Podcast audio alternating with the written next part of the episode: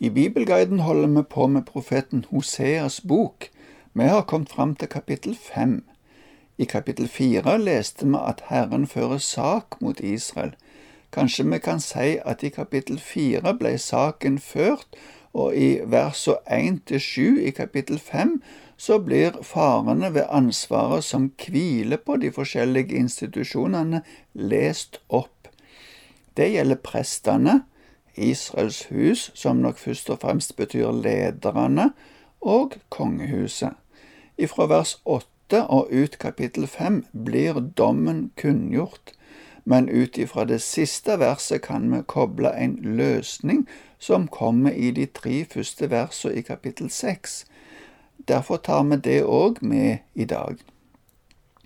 Men la oss nå først lese versene én til sju i kapittel fem.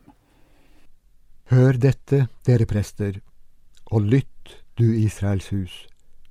Du kongehus, vend øret til. Dommen gjelder dere. For dere er blitt en snare for Mispa, et utspent nett på Tabor. Og en dyp fallgrav i Shittim, men jeg vil tukte dem alle. Jeg kjenner Efraim, og Israel er ikke skjult for meg. For nå har du drevet hor, Efraim.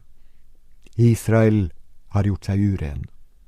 Gjerningene deres hindrer dem fra å vende om til sin Gud, for de har en horeånd i seg, og Herren kjenner de ikke. Israels hovmod vitner mot ham. Israel og Efraim skal snuble i sin skyld. Også Juda skal snuble med dem. Når de kommer med sitt småfe og storfe for å søke Herren, finner de ham ikke. Han har vendt seg bort fra dem.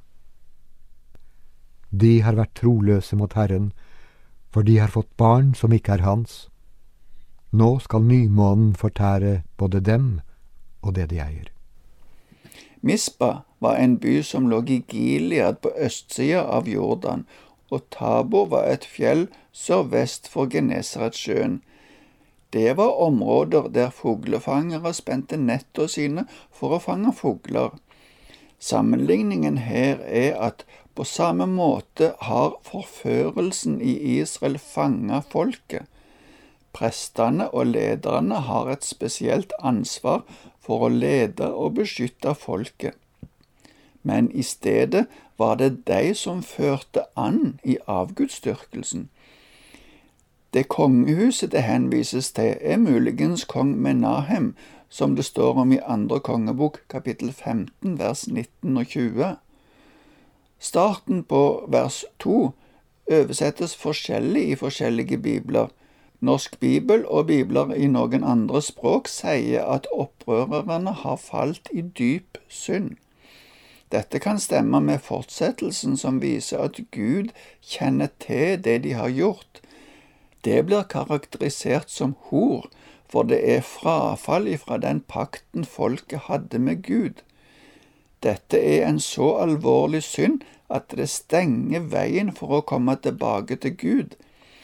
Det er i og for seg en sannhet som gjelder alle mennesker. Ingen kan på egen hånd og i eget initiativ komme til Herren. Profeten Jesaja sier òg det i kapittel 59 vers 2. Nei, det er skylden som skiller dere fra deres Gud. Syndene deres skjuler ansiktet hans, så han ikke hører dere. Denne holdningen som kalles horeånd, var så sterk at den førte til at Israel ødela seg sjøl. De var arrogante og hovmodige, de later som de har en fin gudsdyrkelse med ofringer og andre seremonier, men i hjertet har de vendt seg fra Herren, og derfor finner de han ikke med sin gudsdyrkelse. Noe av det samme budskapet har profeten Jesaja i det første kapittelet. La oss lese der ifra vers 12 til 15. Når dere kommer for å vise dere for mitt ansikt, hvem krever da slikt av dere? Dere tråkker ned forgårdene mine. Kom ikke lenger med unyttige gaver, jeg avskyr offerrøyken, nymåne og sabbat, kunngjøring av høytider, Jeg tåler ikke falskhet og fest. Jeg hater nymånedagene og festene deres. De er en byrde jeg er trett av å bære. Når dere løfter hendene, lukker jeg øynene for dere. Hvor mye dere enn ber, hører jeg ikke. Hendene deres er fulle av blod.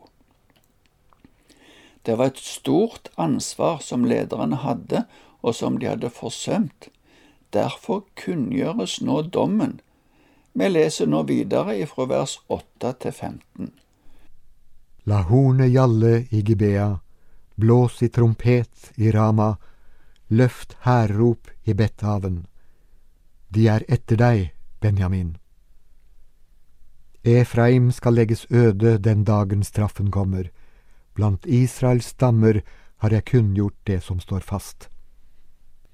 Judas stormenn ligner slike som flytter grensesteiner. Over dem vil jeg øse ut min harme som vann. Efraim er undertrykt, retten er knust, for han ga seg til å følge det som ingenting er. Jeg er som møll for Efraim, som råte for Judas hus. Og Efraim så sin sykdom og Juda sitt sår. Da gikk Efraim til Assur og sendte bud til storkongen. Men han kan ikke gjøre dere friske og ikke lege deres sår. Sannelig, jeg er som en løve mot Efraim, som en ung løve mot Judas hus. Jeg, jeg river i stykker og går min vei, jeg sleper bort og ingen berger. Jeg vil vende tilbake til mitt sted inntil de erkjenner sin skyld og søker mitt ansikt. I sin nød skal de lete etter meg. At hornet alle er et tegn på en viktig kunngjøring, det er et tegn på mobilisering. Vi ser at det her sies til Benjamin og til Juda. De må gjøre seg klar, for i dette utsagnet sier Hosea at Efraim som ligger like nord for Benjamin, allerede er ødelagt og undertrykt. Saken er den at Juda òg er berørt av de gjerningene som har ført Efraim til dom. Juda blir anklaget for å flytte grensesteiner. Vantro prester og lærere forkynner en salighet som ikke stemmer overens med Guds ord. Det blir sett på som en forbrytelse når ikke skillet settes der Guds ord setter skillet. Som vi så tidligere, søkte kongen i Efraim hjelp hos Asyria, men han ville bare gjøre vondt verre for dem. Det er Gud sjøl som strir imot dem, og det er som en løve som river i stykker. Men det siste verset er spesielt alvorlig, for det henviser til at Gud ikke lenger vil være iblant dem. han vil gå ifra dem. Dette er en forutsigelse om fangenskapet i Asyria og Babylon, men også om de mange århundrene Israel har vært borte ifra sitt land. Vi kan i denne sammenhengen òg minne om det som Jesus sa i Matteus 23, 38 og 39.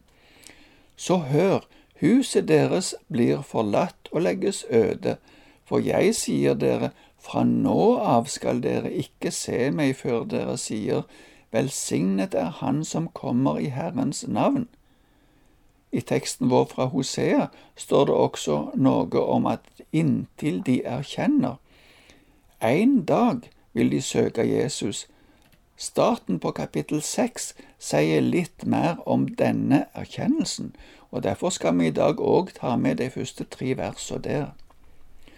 Kom, la oss vende om til Herren, for Han rev i stykker, men vil helbrede oss. Han slo, men vil forbinde oss. Han gjør oss levende etter to dager. Den tredje dagen reiser han oss opp, så vi kan leve for Hans ansikt. La oss lære å kjenne Herren, la oss jage etter å kjenne Ham Sikkert som soloppgangen kommer han, han kommer til oss lik regnet, lik vårregnet som hveter jorden. Etter å ha blitt revet i stykker av den guddommelige løva, som det ble nevnt i slutten av kapittel fem, sier Hosea at folket vil erkjenne, og oppfordre hverandre til å vende om til Herren. Det gjelder direkte i denne profetien for Israel, men det gjelder òg for alle mennesker. Det er Herren, eller Jesus om du vil, som er den som både kan og vil helbrede. Vers to er det noen kommentarer som antyder ved hjelp av et vers fra første Peters brev om at en dag for Herren er som tusen år. Og så sier de at nå er vi langt inne i den tredje dagen, og derfor er dette nært forestående. For min del så vil jeg heller tenke på det som skjedde med Jesus. Han døde for oss, og etter to dager, når han sto opp ifra grava, så ville han gjøre oss levende med han, i den forstand at da var veien åpna til det evige livet, slik at vi kan leve for Hans ansikt for all tid. Da gir det mening at på grunnlag av Jesu oppstandelse fra de døde, så kan både vi og jødene søke eller lære å kjenne Herren. Ja, Hosea forsterker det med å jage etter å kjenne Han. Det må være det viktigste av alt for oss, for jødene og for alle. Derfor er det også viktig å oppfordre hverandre til dette, drive misjon og fortelle videre til alle folk at i Han har de livet. En gang vil Han komme til oss for å opprette riket sitt. Det vil være like sikkert som soloppgangen.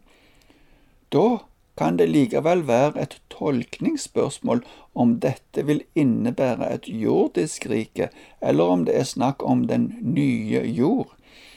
Men uansett hvordan dette vil bli, er poenget at vi må søke å kjenne Herren. Vi må gå til Jesus for å bli en del av Hans rike. Det håper jeg at du har funnet fram til.